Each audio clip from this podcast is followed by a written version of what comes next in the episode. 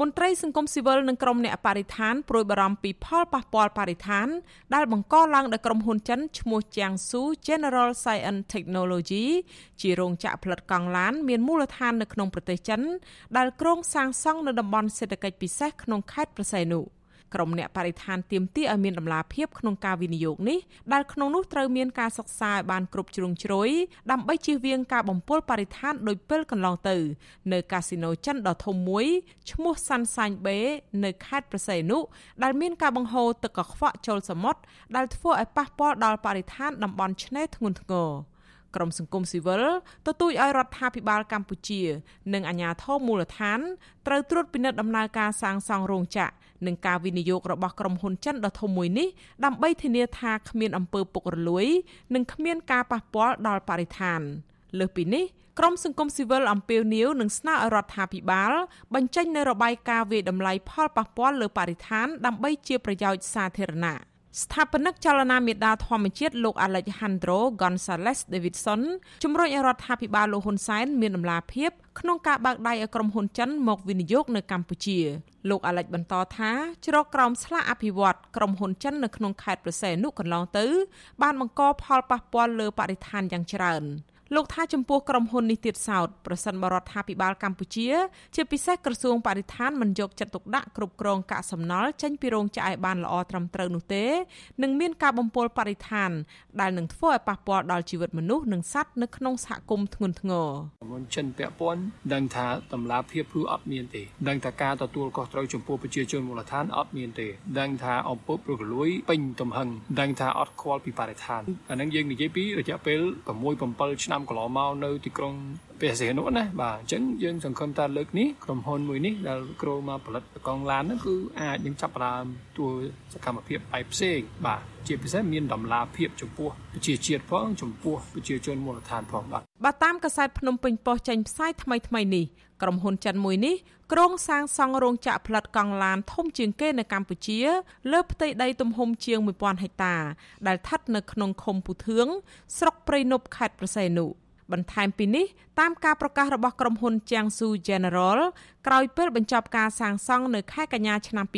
2022ក្រុមហ៊ុនរំពឹងថានឹងអាចបង្កើតការងារថ្មីជាង800កន្លែងនិងទទួលបានចំណូលពីការផលិតប្រចាំឆ្នាំជាមធ្យម24លានដុល្លារចំណែកឯការលក់ក្នុងស្រុកនិងការនាំចេញទៅក្រៅប្រទេស មានចំនួនប្រមាណជាង200លានដុល្លារនៅក្នុងមួយឆ្នាំ។ ចំណែកឯសមាជិកបណ្ដាញយុវជនកម្ពុជាហៅកាត់ថា CYN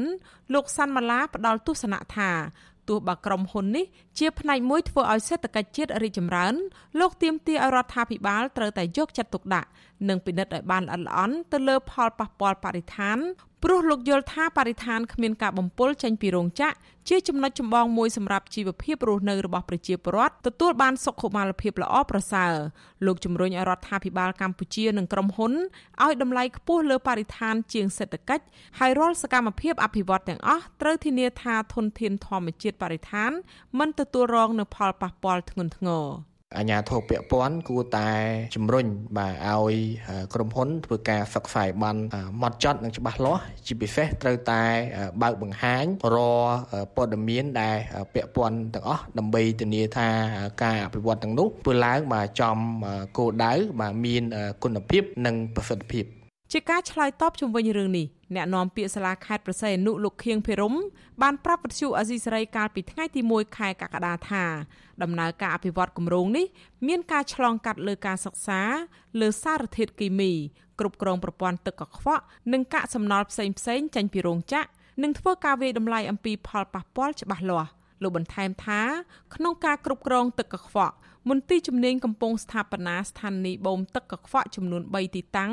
ដែលបានជួសជុលពង្រីកទីតាំងស្ថានីយបូមទឹកកខ្វក់4កន្លែងបង្កើតឡើងដោយគណៈកម្មាធិការជាតិគ្រប់គ្រងនិងអភិវឌ្ឍតំបន់ឆ្នេរសមុទ្រកម្ពុជា ដើម្បីបូមបង្វែរទឹកកខ្វក់កុំឲ្យហូរចូលទៅក្នុងសមុទ្រនិងតំបន់សហគមន៍របស់ប្រជាពលរដ្ឋ មុននឹងអនុវត្តគម្រោងមួយមួយហ្នឹងគឺម្ចាស់គម្រោងត្រូវដាក់ពាក្យស្នើសុំទៅក្រសួងដែលមានការពាក់ព័ន្ធណាហើយត្រូវធ្វើរបាយការណ៍វិយតម្លៃហេតុប៉ះពាល់បរិស្ថានហ្នឹងហើយនឹងសង្គមដើម្បីដាក់ឆ្លងអន្តរក្រសួងអញ្ចឹងនៅពេលដែលឆ្លងអន្តរក្រសួងហ្នឹង ក្រសួងជំនាញនីមួយៗហ្នឹងលោកនឹងផ្ដល់យោបល់ដែរថាតើវាមានផលប៉ះពាល់អីខ្លះហើយត្រូវអនុលោមទៅតាមស្តង់ដារអីខ្លះទោះជាយ៉ាងណាអ្នកសម្របសម្រួលសមាគមការពារសិទ្ធិមនុស្សអាត់ហុកខេត្តប្រសេនុអ្នកស្រីជាបសុធារី មានប្រសាសន៍ថាក្រុមហ៊ុនចិនភាគច្រើនមកវិនិយោគក្នុងខេត្តប្រសេនុហាក់មានការលាក់បាំងពីដំណោះស្រាយក្នុងការកាត់បន្ថយផលប៉ះពាល់លើបរិស្ថាន អ្នកស្រីបន្តថាកន្លងទៅមានក្រុមហ៊ុនចិនមួយចំនួនមិនបានគិតគូរពីផលប៉ះពាល់បរិស្ថានឡើយដោយបានបង្ហូរទឹកស្អុយចេញពីរោងចក្រចូលសមុទ្រធ្វើឲ្យប៉ះពាល់ដល់បរិស្ថានធ្ងន់ធ្ងរដោយឡែកក្រុមហ៊ុនចិននេះទៀតសោតអ្នកស្រីជាបសុធារី មានប្រសាសន៍ថានៅតំបន់ខាងក្រោមនៃទីតាំងសាងសង់រោងចក្រនេះមានប្រជាជនរស់នៅរាប់រយគ្រួសារដូច្នេះអ្នកស្រីជំរុញអាជ្ញាធរមូលដ្ឋាននិងក្រសួងពាក់ព័ន្ធ ត្រូវតែរៀបចំប្រព័ន្ធបង្ហូរទឹកកខ្វក់ឲ្យបានត្រឹមត្រូវជៀសវាងមានការបំពុលនិងមានសារធាតុគីមីចេញពីរោងចក្រទៅលើមូលដ្ឋានប្រជាពលរដ្ឋកំពុងរស់នៅ ម្ដុំភូមិពុធឿងហ្នឹងនៅខាងក្រោម គឺមានទីលំនៅ ជាប្រដ្ឋរស់នៅនឹងច្រើនអញ្ចឹងខ្ញុំសង្ឃឹមថាមន្ត្រីដែលពាក់ព័ន្ធទៅនឹងការទទួលខុសត្រូវលើសំណង់និងបឋានប្រព័ន្ធលូបលាយអីហ្នឹងនឹងយកចិត្តទុកដាក់ក្នុងការពិនិត្យមើលការឋាននៃការសាងសង់រោងចក្រនេះ ក្រុមហ៊ុនខ្នាតយក្សចិនឈ្មោះ Jiangsu General Science Technology ដែលមានមូលដ្ឋាននៅប្រទេសចិន បានប្រកាសក្នុងគេហទំព័រ European Rubber Journal កាលពីថ្ងៃទី7ខែមិថុនាថាវិនិយោគទុនទឹកប្រាក់ជាង200លានដុល្លារដើម្បីសាងសង់រោងចក្រផលិតសម្បកកង់រថយន្តនៅក្នុងតំបន់សេដ្ឋកិច្ចពិសេសក្នុងខេត្តប្រសេនុ ជាងនេះទៅទៀតក្រុមហ៊ុនចិននេះអះអាងថាអាចផលិតសម្បកកង់រថយន្តដឹកអ្នកដំណើរបាន6លានគ្រឿងក្នុងមួយឆ្នាំមន្ត្រីសង្គមស៊ីវិលនិងអ្នកស្រឡាញ់បរិស្ថានយល់ឃើញថាតាមរយៈការវិនិយោគរបស់ក្រុមហ៊ុនចិននេះអាចមានឱកាសផ្ដល់ការងារជូនប្រជាពលរដ្ឋខ្មែរបានច្រើនអ្នកជាងនេះទៅទៀតពួកគេសង្ឃឹមថារដ្ឋាភិបាលកម្ពុជានឹងជួយលើកកម្ពស់ដំណាំកៅស៊ូផ្ដល់តម្លៃខ្ពស់និងមានស្ថិរភាពក្នុងទីផ្សារជូនដល់ប្រជាពលរដ្ឋកម្ពុជា។ ទន្ទឹមនឹងគ្នានេះដែរក្រុមអ្នកឃ្លាំមើលបរិស្ថានក៏សង្ឃឹមថារដ្ឋាភិបាល ជាពិសេសក្រសួងពាក់ព័ន្ធយកចិត្តទុកដាក់លើការការពារបរិស្ថានល្អចា៎នេះខ្ញុំខែសុណងវັດឈូអេស៊ីសេរីរាយការណ៍ពីរដ្ឋធានី Washington